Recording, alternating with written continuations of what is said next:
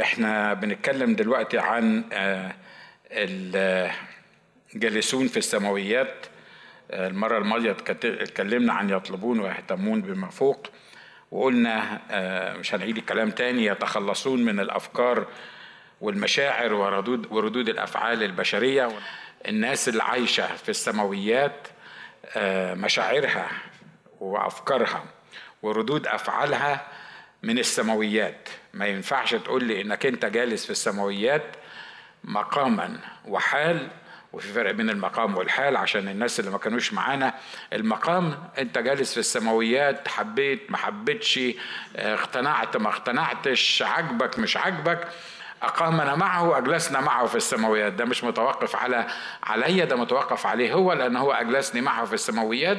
يبقى مهما كان أنا جالس في السماويات. لكن في فرق بين المقام إن أنا جالس في السماويات والحال وأنا عايش على الأرض وإحنا زي ما اتفقنا إن إحنا محتاجين نصلي دايما إن الحال بتاعنا على الأرض ينطبق على مقامنا في السماويات. فما نبقاش بس مقاما جالسين في السماويات لكن حالنا الحقيقي اللي إحنا عايشينه في الأرض كمان يبقى في السماويات. أمين؟ مجدا للرب. فقلنا إنه الناس دول يتخلصون من الأفكار والمشاعر وردود الأفعال البشرية. واتكلمنا بالتفصيل لما يوحنا ما لقاش حد ياخد السفر ويفك ختومه بيقول بكى في السماويات وهو في السماء وبيبكي. ليه؟ لأن في مشكلة في السماويات، في مشكلة حاصلة ملهاش حل، والمشكلة هي طبعا دي في دماغ يوحنا لأن ما فيش مشكلة في السماويات وما فيش حاجة ممكن نقول عليها إن في مشكلة في السماويات دي في دماغ يوحنا. ليه؟ لأنه مش لاقي حد يستحق أن يأخذ السفر ويفك ختومه فبالنسبة له لو بيفكر بطريقة الأرضيات وهو في السماويات يبقى لازم يبكي. ليه؟ لأن واقعين في مشكلة إن محدش قادر يتقدم في السماء علشان ياخد السفر وعلشان يفك ختومه لكن الحقيقة لما تعيش في السماويات وينطبق حالي وحالك على المقام اللي أقامنا معه وأجلسنا معه في السماويات تعرف في منتهى البساطة إن اللي قال لك اطلع واللي خدك السماويات واللي حطك في السماويات لازم يكون قادر إنه يصنع أي شيء في السماويات وإلا أنا وأنتوا ما كانش ينفع وما كناش نقدر نروح السماويات مش كده ولا إيه؟ عشان كده لأنه هو عنده القدرة إن ياخدني أنا المصدرة وغير الموجود زي ما بيقول الكتاب ببساطة كده المصدرة والغير الموجود يعني نفاية النفايه يعني زبالة الزبالة. ما أعرفش أقولها لك إيه تاني بس هي متهيألي واضحة. إن كان في عنده قدرة إن ياخد زبالة الزبالة اللي موجودة في الدنيا كلها ويصنع منها ملك ويحطه معاه يقيم ويحط معاه في السماويات يبقى يستطيع أي شيء على الأرض أو في السماويات وبالتالي يستطيع أن يأخذ السفر ويفك ختومه. ودي تبقى سهلة بالنسبة له جدا لأن كل شيء مستطاع للجالس على العرش اللي وحده ليه الكرامة والمجد إلى أبد الآبدين. أمين؟ عشان كده قلنا يا جماعة وأنا بأكد عليها مع إن المرة اللي فاتت اتكلمنا ساعة في الموضوع ده. أنا بأكد عليها إن وأنا عايش في السماويات أفكاري ومشاعري وردود أفعالي البشرية لازم تبطل لازم تنتهي لازم تتغير لازم تبقى أفكاري ومشاعري وردود أفعالي البشرية تكون خاضعه للقوانين السماوية وأنا في السماويات. وإلا لو أنا كنت في السماويات ولسه ردود أفعالي وأفكاري ومشاعري وكل ما بيحصل معايا متعلق بالأرضيات هعيش في ازدواجية وهعيش مزربل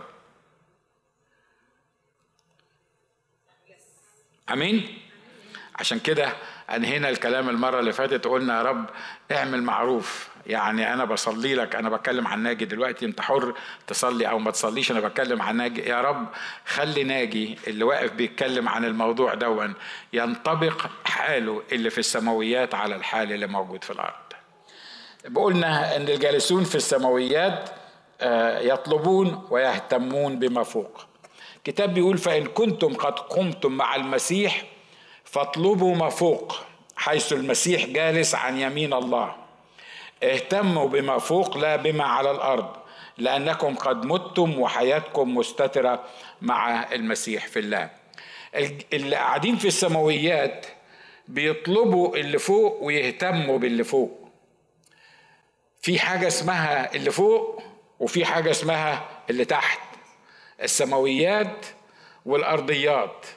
أنا عارف طبعا أول ما بتسمع الكلمتين دول على طول بتقول آه الأرضيات اللي هو الشغل والمصاري وال والأولاد والبيت والقصة دي كلها آه، الرب بيقول لنا ما تطلبوش الحاجات دي ما تتعلموهاش ما, ما تعملوش الدور بتاعكم. الكلام ده مش مظبوط.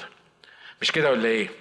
لأن الجالس في السماويات ده اللي يكون في المسيح في السماويات هيعمل كل اللي مطلوب منه على الأرض بس بطريقة السماويات. أنتوا معايا مش كده؟ في ناس لما ابتدى الرسول بولس يكلمهم عن مجيء المسيح الثاني والتعليم بتاع مجيء المسيح الثاني قال لك بلاش تشتغل. نشتغل ليه؟ لأن الكتاب بيقول ها أنا آتي سريعا والمسيح جاي وما دام المسيح جاي يبقى لازم نعمل أقصى مجهودنا علشان ننشر رسالة المسيح في الأرض يبقى بلاش نشتغل بلاش نعمل الدور اللي المفروض آه، نعمله كأي ناس عايشة وبلاش خلينا بقى نعمل إيه؟ نسيب القصة كلها ما دام المسيح جاي يا إخوانا وتعالوا نقعد في الكنيسة ونقعد نصلي مع بعض ونقعد نرنم ونبقى كده في حالة من الروحيات ما هو المسيح جاي وما دام المسيح جاي إحنا لازم نبقى في الحالة دي عشان لما يجي يلاقينا في الكنيسة. لا الكتاب ما بيقولش كده ودي مش مفاهيم الأمور اللي إحنا بنتكلم فيها. الكتاب بيقول كل ما تجده يدك لتفعله افعله بقوتك. يعني إيه؟ كل اللي مطلوب منك كل الأعمال الصالحة اللي اتكلمنا عليها في مرة قبل كده اللي انت لازم تعملها لازم تعملها على الأرض بكل قوتك. حد موافق على اللي أنا بقوله ده؟ ها؟ تقول لي أنت تعمل لنا خبلانة. أنت بتقول حتى تنتظر المسيح وجالس في السماويات وفي الوقت نفسه بتقول اشتغل بكل قوتك وافرح بكل قوتك وخلي علاقاتك مظبوطة مع الناس بكل قوتك. هو هو أنت عايزنا نركز في الأرض أو لا نركز في السماويات؟ خلي بالكم الإنسان دايما بيركز في حتة من الاثنين يا إما بيركز في الأرض وكل الاهتمامات الأرضية وكل الأمور الأرضية اللي هو عايز يعملها والمتخيل اللي هو يعني دي اللي هتنقله من مكان لمكان. ويرتب ويعد ويبقى كده كونسيومد زي ما بيقولوا أو يعني يعني متاخد بالأمور اللي هو عايش فيها. وبعدين يوم الحد الصبح دي بتاعت السماويات لما يجي هنا ويسمع بقى الترنيم الجميل والناس اللي بتهلهل والمايدة والتأملات الرائعة يبقى في السماويات بس بعد ما يطلع يوم الحد هيبقى هيعيش بقى الحياة الطبيعية بتاعته. دي ازدواجية عايشة فيها المؤمنين وخصوصا المؤمنين. مش عايز أقول أنهي نوع من المؤمنين بس anyway المؤمنين بيبقوا عايشين في الازدواجية دي عندهم فاصل بين الأرضيات والسماويات. في وقت معين بيتخيل إن هو في الاجتماع ولا في غير الاجتماع في السماويات وفي وقت الشغل هو فاهم إن هو آه، مالي قيصر. ده مالي قيصر بيسموه مالي قيصر. لا الحقيقة اللي جالس في السماويات زي ما قلنا وهو بيشتغل في شغله هو في السماويات وهو بيتعامل مع الناس هو في السماويات وهو في الاحتياج هو في السماويات وهو معاه كتير مش عارف يوديه فين. إن شاء الله ربنا يخليك تبقى منهم دول. حتى لو معاك كتير مش عارف تودي المصاري فين برضه في السماويات. ليه؟ لأن أنت موجود في السماويات بغض النظر عن اللي بتعمله في الأرض. أمين؟ واضح الكلام ده؟ بالتالي هو ده الكلام اللي فهنا بيقول إيه؟ فإن كنتم قد قمتم مع المسيح. يعني يا جماعة أنتوا كنتوا أموات. كنا أموات بالذنوب والخطايا. ده تعليم كتابي مظبوط مش كده ولا إيه؟ مع المسيح صلبت. فأحيا لا أنا بل المسيح يحيا فيا. في نقطة تحول للإنسان كان فيها ميت ولما بقول ميت كان ميت ميت ميت حقيقي بالروح. كان كان ميت وبعدين لما عرف يسوع مخلص شخص لحياته بقي حي. فالميت ده كل ما للميت وكل ما يمتلك الميت وكل مشاريع الميت وكل تفكير الميت وكل اهتمامات الميت لما هو ميت تبقى ميتة. لما قام في لحظة معينة مع المسيح الأشياء العتيقة قد مضت وذا الكل قد صار إيه؟ الكل قد صار جديدا. دلوقتي هو حي. فكل ما كان يسود علينا ونحن أموات الطريقة اللي بنتعامل بيها وبنتكلم بيها وبنفكر بيها وبنقبل بيها الحق الكتابي أو ما بنقبلوش وكل ما يتعلق بينا في اللحظة اللي عرفت فيها يسوع المسيح مخلص شخص لحياتي بقيت اهتماماتي مختلفة تطلعاتي مختلفة اللي أنا بدور عليه إن أنا أحققه في الأرض ده شيء مختلف. ليه؟ لأن أنا بقيت حي في المسيح. آمين. الجالسون في السماوات يطلبون يهتمون بما فوق. آه، أنتوا عارفين ان أنا مش من النوع اللي بيحب يغيب الناس زي ما بيقولوا. انت عليك مسؤوليات في الأرض وأنا عليا مسؤوليات إن كان كأب ولا إن كان whatever المسؤوليات اللي موجودة عندي و و والشغل وغير الشغل. دي مش معنى إن أنت جالس وأنا دي المرة الثالثه بقولها مش معنى إنك جالس في السماويات إن كل الحاجات دي بلاش تعملها. زي الأيام اللي كنا بنتكلم عنها بتاعت الرسول بولس الناس قالوا لو إحنا يعني يعني المسيح جاي يبقى مفيش داعي للشغل مفيش داعي نروح نشتغل مفيش داعي نعمل. إحنا نعمل إيه؟ إحنا ننتظر الرب. إحنا قاعدين منتظرين الرب علشان يجي. متهيألي لو كانوا لسه عايشين لغاية دلوقتي كان بقالهم ألفين سنة ولسه منتظرين الرب مش كده ولا إيه؟ وما كانوش اشتغلوا ما كانوش عملوا حاجة خالص وهم لسه منتظرين الرب. لكن وإحنا منتظرين الرب زي ما قال الكتاب إن كنتم قد قمتم مع المسيح وده اللي بيحدد اللي قام مع المسيح واللي ما قامش مع المسيح. مرة تاني اللي قام مع المسيح يعرف نفسه إنه قام مع المسيح وتغير ليه؟ إنه بيطلب ما فوق. الرسول بيقول لهم ما ينفعش تبقى قمت مع المسيح وتطلب اللي على الأرض. دي تبقى ازدواجية. دي أنت تراجع نفسك إن كنت قبلت يسوع مخلص شخص لحياتك ولا لأ. إن كنتم قد قمتم مع المسيح فتلقائيا فاطلبوا معناها وانس إنك عرفت يسوع مخلص شخص لحياتك immediately أنت الشيء الطبيعي اللي كنت بتعمله إنك تطلب ما فوق حيث المسيح جالس عن يمين الله. اللي بيقول إن هو اتجدد وعرف يسوع مخلص شخص لحياته ولسه بيفكر بنفس الطريقة القديمة وبيعمل نفس الأمور القديمة. وكل ما هو قديم لسه عايش فيه يبقى معرفش يسوع مخلص شخص لحياته يبقى ما اتولدش من تاني يبقى اسمه ما اتكتبش في سفر الحياة يبقى ما استفدش بعمل المسيح على الصليب يبقى ما قامش مع المسيح حتى وما اتدفنش أصلا مع المسيح لأنه لو اتدفن مع المسيح كان هيقوم مع المسيح يبقى ما اتدفنش أصلا مع المسيح يا إخوة أخوات اختبار التجديد. ما هواش وعظة رائعة كده أو واحد كان بيزعق أو قال لي كلام مقنع أو أنا حسيت إن أنا اتأثرت بالقصص اللي كان بيقولها وقالوا لي مين مين يسلم حياته للمسيح رحت عامل كده وراحوا عدني في وسط الناس اللي سلمت حياتها للمسيح. وبعد الاجتماع سلموا عليا وقالوا لي الرب يباركك يا أخونا. أهو أنت دلوقتي خليقة جديدة وعرفت نفسك وعرفت دلوقتي إنك أنت اتولدت من فوق واسمك اتكتب في سفر الحياة. دي تمثيلية خايبة. بيعملها إبليس وبيقنع بيها الناس. ليه؟ لأن العدو عايزك تعيش زي ما بيقولوا بالمصر كده زي الأطرش في الزفة. ما أنتش عارف إنك اتولدت ولا ما اتولدتش. اتجددت ولا ما اتجددتش. اتغيرت ولا ما اتغيرتش. ده اسمك اتكتب في سفر الحياة ولا لأ؟ هو أنا بصراحة أحسن من زمان. أنا زمان كنت بشرب 10 علب سجاير. أنا بدي مثل. أنا ما اشكر الله ما كنتش بشرب طول عمري سجاير. بس anyway كنت بشرب 10 10 علب سجاير. دلوقتي أنا أحسن. كان فين وكنت بقيت فين؟ دلوقتي بشرب اثنين بس. two is enough يعني من العشرة. شفت؟ يعني أنا أنا أنا صلحت أمور كتير. زمان كنت بعمل كذا. لا أشكر الله دلوقتي مش مش زي ما كنت زمان. هي لسه برضه في حاجات بس يعني مش مش لا لا الكلام ده ما بينطبقش على ناس قامت مع المسيح وجلست مع المسيح في السماويات. لأن الكتاب بيقول الأشياء العتيقة قد مضت وذا الكل قد صار إيه؟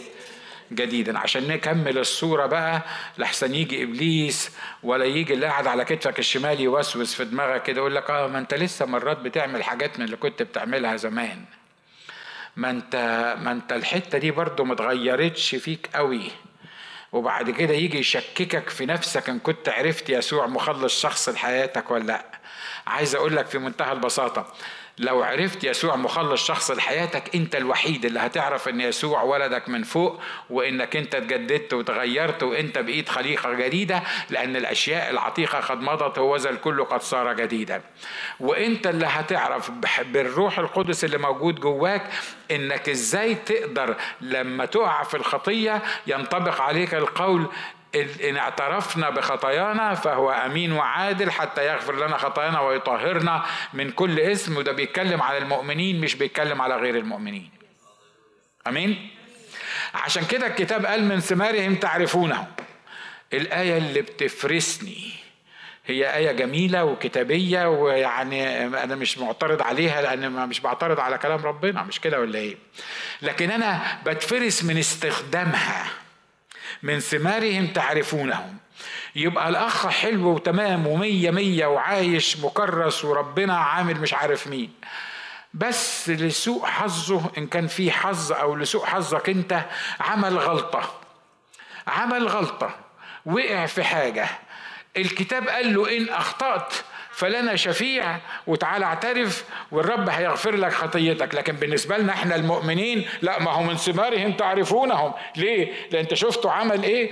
طب ما هو عمل 600 حاجة حلوة وطلع ثمار رائعة جدا و و وكان عايش للرب. هي دي اللي عرفتك إن هو خاطي ولا مش خاطي؟ هي دي اللي عرفتك إن هو قبل المسيح ولا ما قبلش المسيح؟ ثم انت مالك؟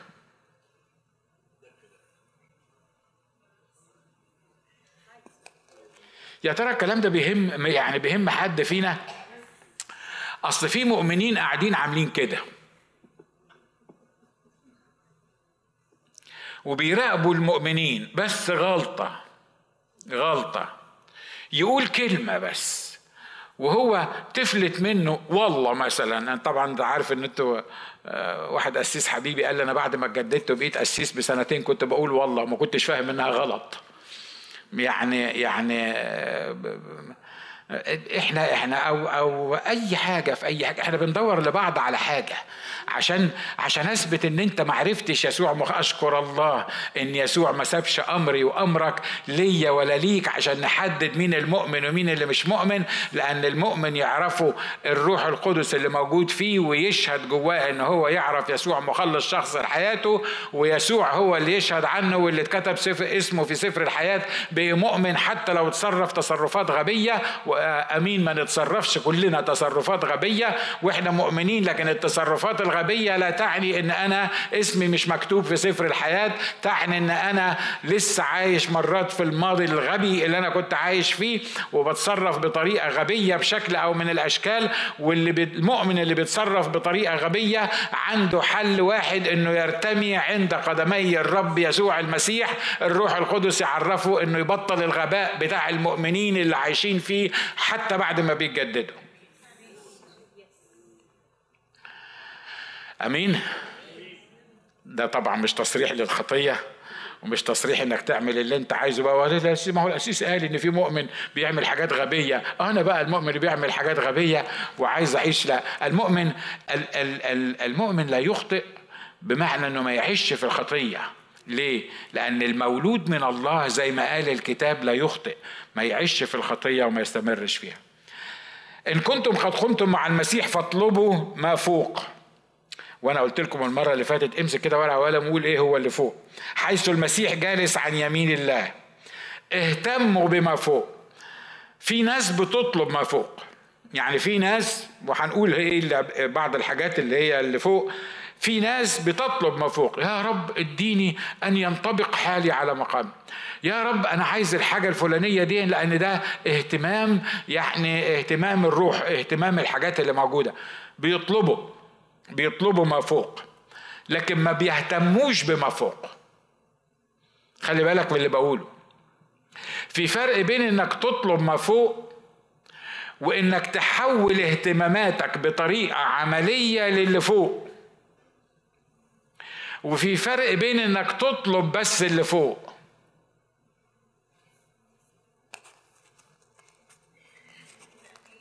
نقول تاني.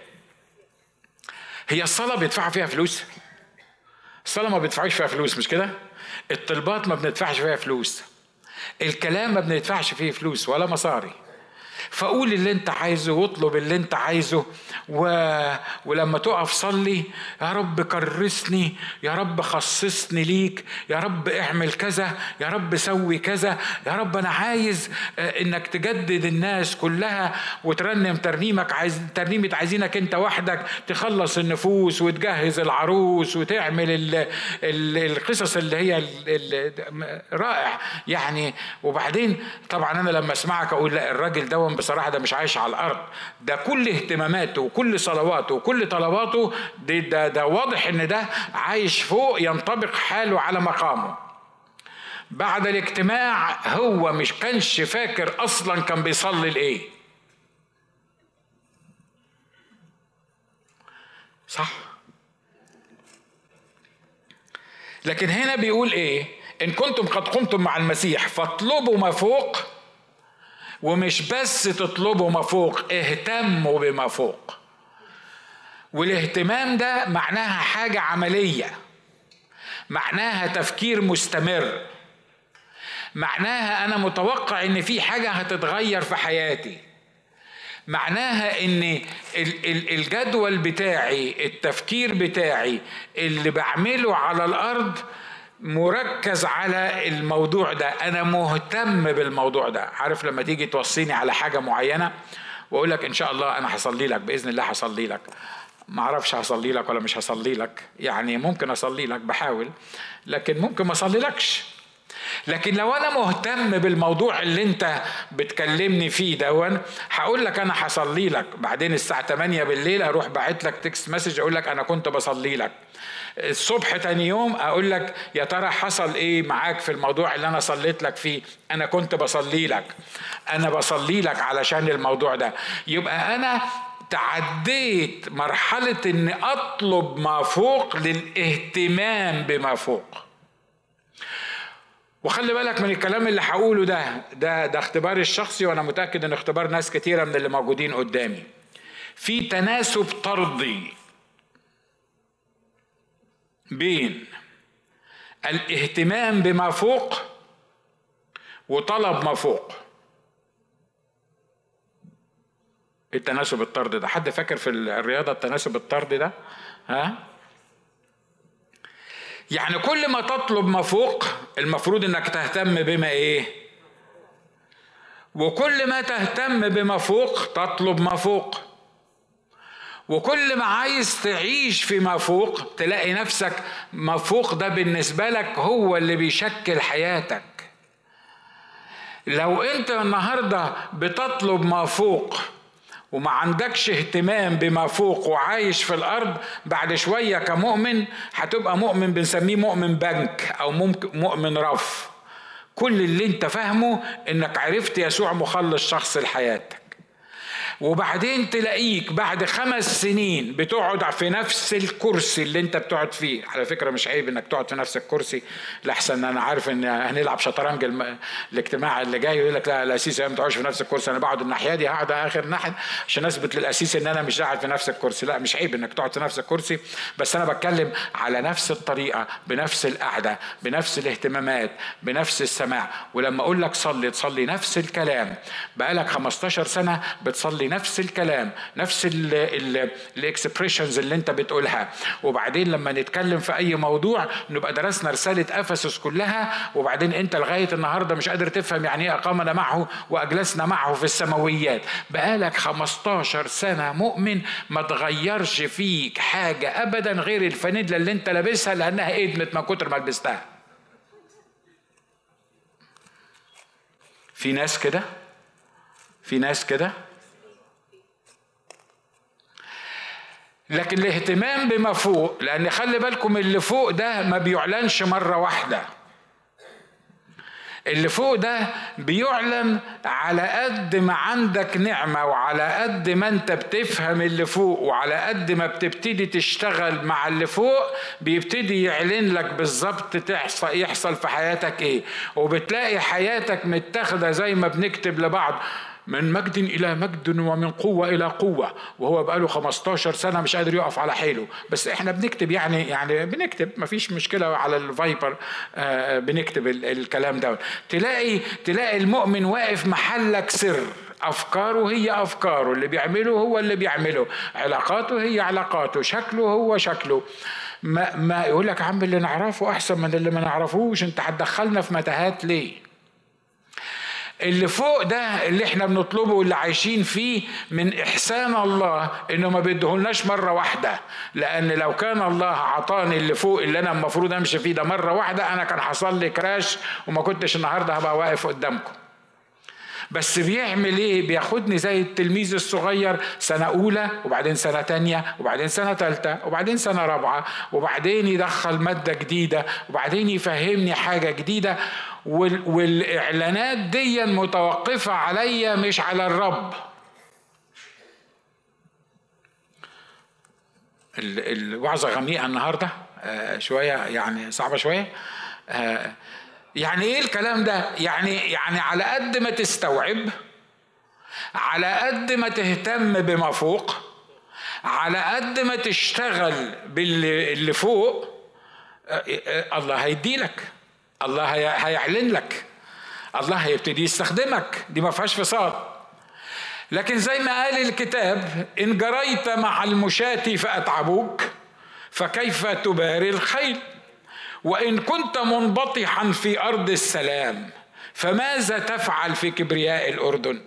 يعني لو انت ماشي مع الناس محتاج حد يشيلك ويعلمك ويقول لك ويشجعك ويزقك على الاجتماعات ويحاول يطبطب عليك. وانت في الحالة دي وانت منهك مش قادر تمشي. يبقى إعلانات إيه اللي انت متوقع إن انت تاخدها من اللي فوق ده؟ لأن إلهنا حكيم عارف إزاي يديلك الإعلان. لما تنفذه يبتدي يديلك حاجة تاني. الكلام اللي أنا بقوله ده كتابي؟ ادي لك مثل واحد بس جه على على فكري تخيلوا معايا لو إبراهيم قبل ما يجيب إسحاق وقبل القصة دي كلها وهو في أور الكلدانيين وربنا قال له اطلع يا إبراهيم روح المكان الفلاني هخدي لك ولد بعد 25 سنة تصلي 25 سنة وبعدين هدي لك ولد وبعدين لما الواد يبقى عنده 12 سنة هقول لك اذبحه وسكت على هنا. تفتكروا إبراهيم كان اتحرك من الأرض اللي هو موجود فيها؟ ما تستاهلش. ليه؟ لأنك هتاخدني من الأرض اللي أنا فيها وتغربني وبعدين أنا أنا ما, ما عنديش ولد وبعدين هتقول لي هدي لك ولد وبعدين تستنى لي 25 سنة ما تدينيش ولد وبعدين تديني ولد لما تطلع عيني وبعدين تخليه بعد 12 سنة وتقول لي روح قدمه اذبحه. بقول لك إيه؟ خليني قاعد في بيتنا وخليني كده مستريح في قور الكلدانين. هي حر الحقيقة وما أعتقدش إن هم كان عندهم المبرده بتاعت القش والمية بتاعت حد فاكر فاكرها أنتوا يا إحنا دلوقتي أنا فاكرها أنا فاكرها لاني ولعت قدامها. قعدت في الموصل في وشها في شهر 8 وكانت بت... كانت جميلة. Anyway.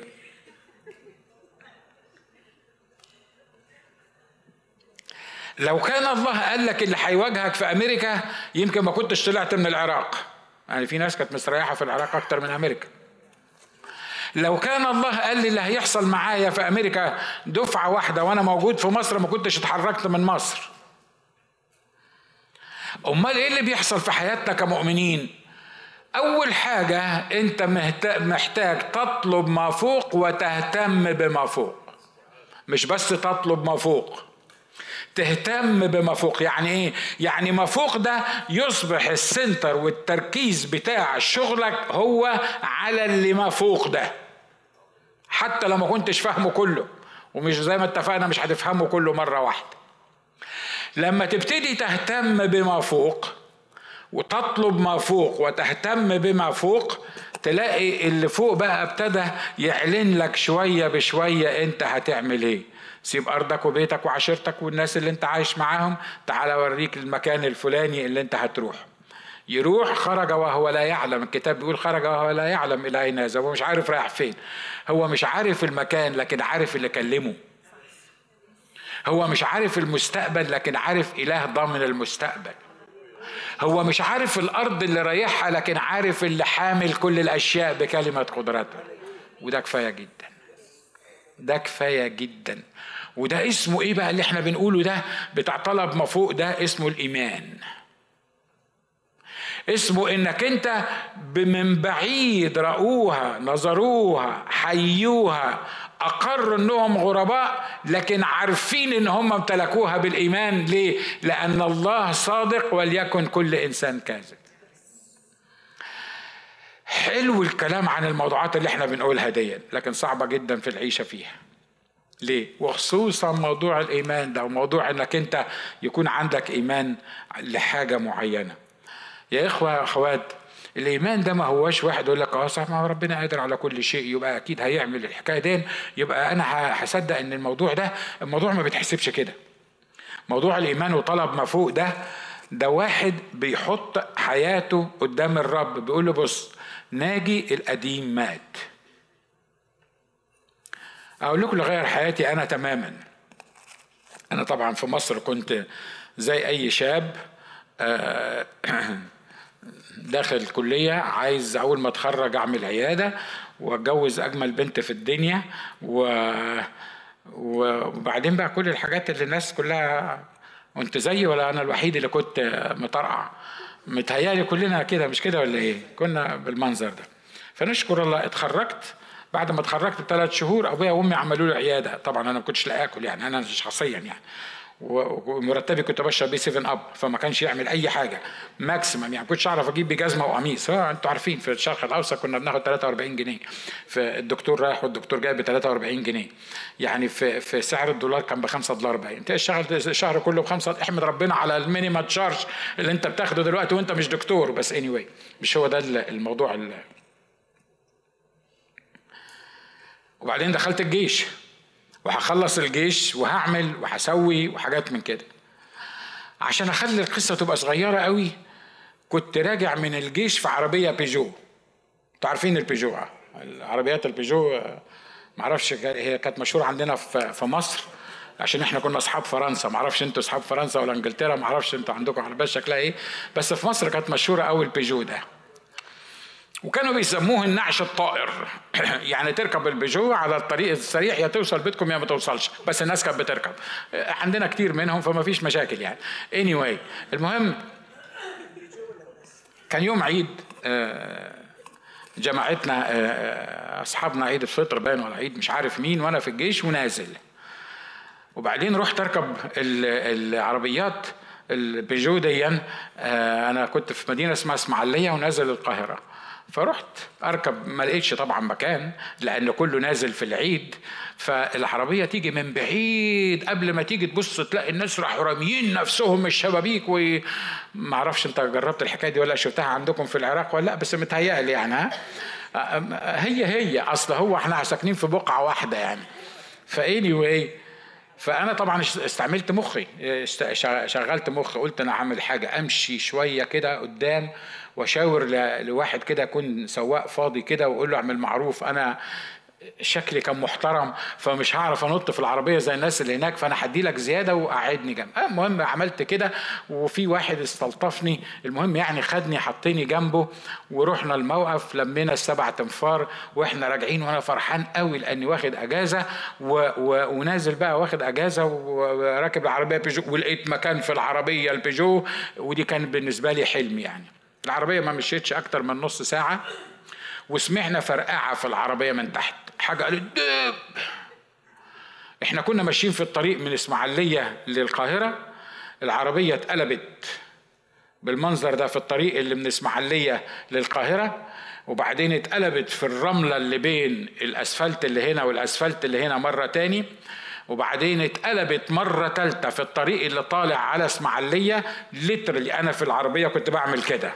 زي ما أكون في بحر لأن العربية عمالة تتقلب فيا. وبعدين راحت آه، ركنت في الرملة اللي بعد الطريق اللي طالع من إسماعيلية وبوزها ناحية إسماعيلية. والعربية السقف بتاعها متخبط لجوه والابواب مش عارف مين. وأنا أنا فتحت عينيا بشوف إن أنا رحت السماء ولا لسه لسه في الأرض لقيت نفسي في العربية. الباب الوحيد اللي كان بيتفتح هو الباب اللي جنبي. ففتحت الباب ونزلت. نزلت من هول المفاجأة أنا مش عارف إن كنت صاحي ولا بتاع دم من هنا ودم من هنا. أنا مش عارف إن أنا كنت صاحي ولا دي يعني الجنة اللي بيقولوا عليها ولا إيه بالظبط الموضوع. ف ورحت قاعد على الرملة كده بمجرد ما قعدت على الرملة. حتى النضارة اللي أنا كنت لابسها كانت اتشالت من وشي معرفش راحت فين طارت. صوت واضح زي اللي أنا بكلمكم بيه قال لي من هنا ورايح مكانك في العربية. واضح اللي أنا عايز أقوله؟ قال لي اسمع أنا ما أعرفش الصوت ده جالي منين يعني الحقيقة يعني واحد في الحالة اللي أنا كنت فيها بالتالي المفروض ما يسمعش حاجة مش كده ولا إيه؟ يقعد له بتاع نص ساعة كده لما يعرف هو مات ولا عايش ولا قاعد على الرملة ولا بتاع يجمع وبعدين ربنا يبتدي يكلمه. بمجرد ما طلعت من العربية وقعدت على الرملة الصوت جوايا قال لي أنت من هنا ورايح حياتك في العربية دي أنت مت خلاص أنت من هنا ورايح بتاعي. إن شاء الله ربنا يحميك مش لازم العربية تتقلب بيك. مش لازم يعني أنا اتقلبت بيا مش لازم تتقلب بيك. لما عرفت يسوع مخلص شخص لحياته كل واحد قاعد قدامي النهارده الرب بيقول لك الكلمتين دول. المفروض بعد ما سمعت اللي أنا قلته لك أنت من هنا ورايح بتاعي. أنت مش بتاع نفسك. أنت مش بتاع عيلتك. أنت مش بتاع ولادك. أنت مش بتاع بيتك ولا مراتك. انت مش بتاع البيزنس بتاعك. انت من هنا ورايح من الدقيقة دي بتاعي أنا. خدمتي أنا. عملي أنا.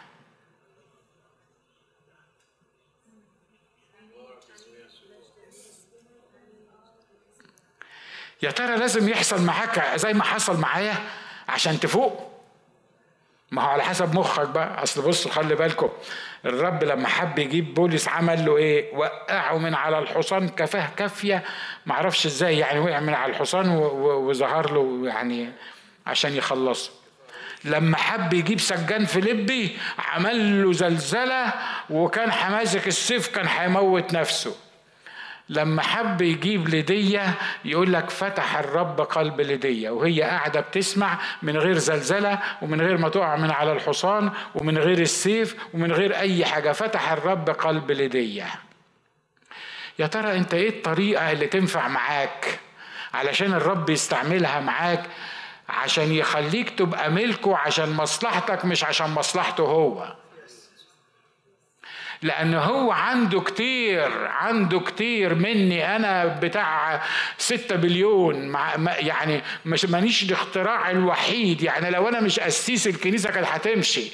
لو أنا مش خادم الكنيسة كانت هتمشي. لو أنا ما عملتش اللي ربنا خلاني عملته برضه كانت يمكن ما حدش خد باله أصلا إن في واحد اسمه ناجي موجود. ليه؟ لأن الموضوع مش أنا الموضوع هو. لما الرب بيسألنا إن إحنا نفضي نفسنا وإن إحنا نركز فيما فوق وإن إحنا نطلب فيما فوق ونهتم بما فوق ده مش عشانه هو. هو عنده كتير يقدر يستخدمهم. ده عشانك أنت. لأنك لو ما عشتش فيما فوق ما طلبتش ما فوق ما, ما, ما اهتمتش بما فوق هتعيش على الأرض مزربل هتعيش على الأرض بائس هتعيش على الأرض تعبان. أيوه هتعيش مع الأرض يمكن يكون معاك فلوس أكتر ويمكن تكون مستمتع بحياتك الظاهريه أكتر وممكن تكون علاقاتك أكتر والناس يتلموا حواليك أكتر ويمكن معاناتك تكون أقل جدا من لو كنت بقيت خادم للرب يسوع المسيح. لكن عايز أقول لك حاجة لو ما بقيتش خادم للرب يسوع أنت هتعيش حياتك تعيس على الأرض لأنك السبب الفرح الحقيقي والقوة الحقيقية في خدمة الرب يسوع ليك انت مش للرب يسوع. يا أخ ناجي تعرف أنا عندي كام سنة؟ تعرف أنا عندي كام سنة اللي بتقول لي أنت دلوقتي؟ ده أنا قربت أبقى سبعين سنة أبقى خمسة وسبعين سنة يمكن تمانين سنة.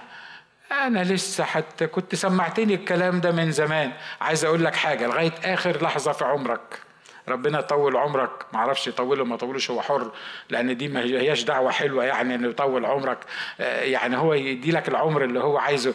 لغاية اللحظة الأخيرة لتعرف الرب يسوع مخلص شخصي آه، بعد ما ما هتروح عند الرب يسوع. للحظة الأخيرة أنت محتاج إنك تبقى خادم للمسيح. لما تبقى خادم للمسيح خادم حقيقي للمسيح أنت هتجمع الحاجات اللي هنتكلم عليها بعد كده في المرة اللي جاية. الكنوز الحقيقية اللي الله بيشيلها لك. ومرة أخيرة بقول لك يسوع مش محتاجك. أنت محتاج يسوع. بص اللي جنبك قول له الكلمات دي. قول له يسوع مش محتاجك. أنت محتاج محتاج يسوع. مرات كتير إحنا بنتخيل. امبارح أنتوا عارفين إن أنا كنت على الكرمة عشان الفند ريزنج. مرات بنقعد نقول للناس اعمل معروف. وتبرع وادفع واعمل عمل الرب. هو يسوع ده مش مش مش يعرف يعني نعمل كده يروح مطلع لي مطلع لي فلوس قد كده يسدد كل احتياجاتي في الدنيا. يقدر ولا ما يقدرش؟ ده قال عنه إن هو ليه كنوز المخابئ وعمل اللي مش عارف الكلام ده. امال أمال شكله زي ما يكون محتاج لنا ليه؟ عارف ليه؟ لأنه عايز يديني ويدي لك فرصة إن أنا أشتغل معاه علشان يظبطني من كل ناحية. نشكر الرب لاجل الناس اللي الرب بيتكلم معاهم وبيقول لهم وبيرشدهم وبيعلمهم وبي... على فكرة الرب يعني سهل جدا إنه يسدد احتياجاتنا. سهل جدا إنه يسدد احتياجاتنا. بس أنا غاوي نكد. النكد اللي أنا بتكلم عنه هو أنا أنا أنا بحب أحتاج واثق في الرب ويبعت لي. تقول لي ده انت غاوي نكد صحيح. طب ما تخليه يبعت لك من غير ما تحتاج. لا عارف لو بعت لي من غير ما احتاج؟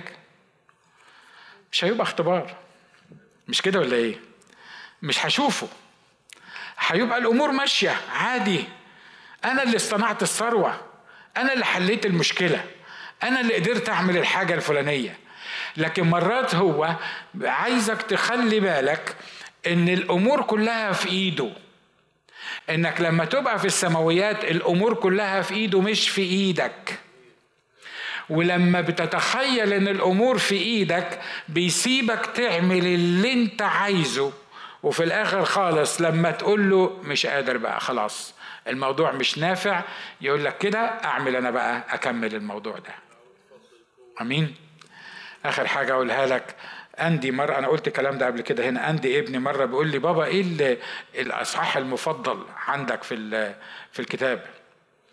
قلت له تثنيه ثمانية فقال لي تصور إن أنا برضو ده الأصحاح المفضل عندي في الكتاب. فقلت له طب ليه؟ قال لي أصلك الأصحاح ده بيقول لبني إسرائيل أنا زليتك بذلك واجربك علشان أعرف ما في قلبك عشان عشان أنت تعرف ما في قلبك. وعلشان في يوم من الأيام ما تقولش ان, إيدي اصطنعت ليا الثروة دي وعلشان ما تقولش إن بالخبز أنا بحيا لأنه ليس بالخبز وحده يحيا الإنسان. وعلشان وعلشان قلت له تصور يا عندي من زمان من كام سنة من أيام ما أنت كنت صغير أنا قريت الإصحاح ده وقلت له يا رب أشكرك لأجل كل زنقة أنا مريت فيها أشكرك لأجل كل مشكلة أنا مريت فيها أشكرك لأجل كل احتياج أنا مريت فيه. اتاريك انت ما كنتش عايز تذلني وتجربني علشان تذلني لكن بتذلني وتجربني عشان لما تحسن إلي أعرف إن أنت المصدر مش أنا المصدر بتاع الأمور. أمين يا إخوة أخوات؟ ده بيفرق في حياتنا اللي إحنا بنقوله. آه عارف بيفرق في إيه؟ إنك بتشوف اللي بيحصل معاك من السماويات. لو محتاج انت دلوقتي في فرق بين انك تشوف من الأرض وفي فرق بين انك تشوف احتياجك من السماويات. لما تشوف احتياجك من السماويات تلاقي احتياجك يتسدد قبل ما يتسدد على الأرض. ليه؟ لأنك بتجيبها من الكنترول زي ما بيقولوا بتجيبها من السماويات. لأن الأمر بيصدر في السماويات اولا وبعدين يتنفذ على الأرض. فلما بتعيش في السماويات بتشوف الأمور من السماويات فما بتشوفش المشاكل بتشوف حل المشاكل لأن السماويات ما فيهاش مشاكل السماويات فيها حل المشاكل.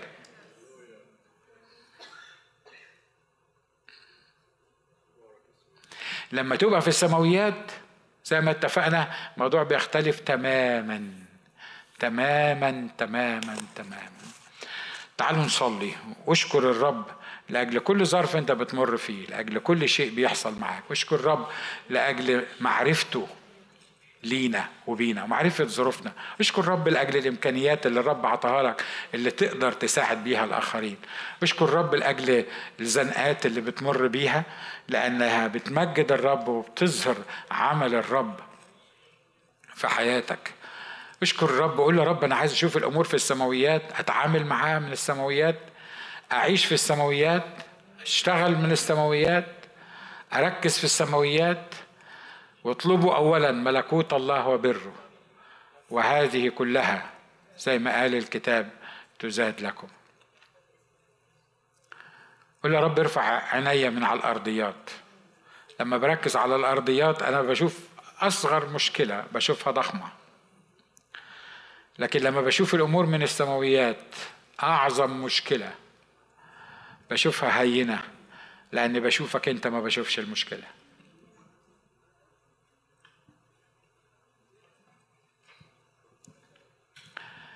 قل يا رب خليني حالي ينطبق على مقامي. مفيش كلمات ممكن تعبر لجلالك عن شكري لأنك أقمتني معك وأجلستني معك في السماويات. لكن أنا بصلي النهاردة يا رب. إني أهتم بما فوق.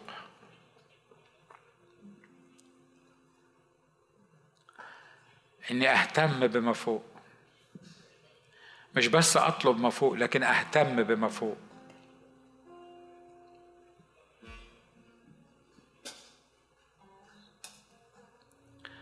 أسعى لأجل جعاله دعوه الله العليا في المسيح يسوع.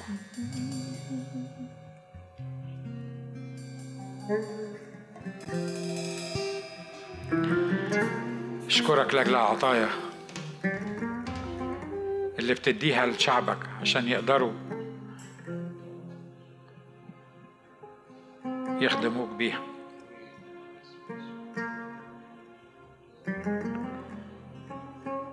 أشكرك لأجل الإمكانيات المختلفة اللي بتديها لنا عشان نقدر نثمر في عملك ونكون مثمرين.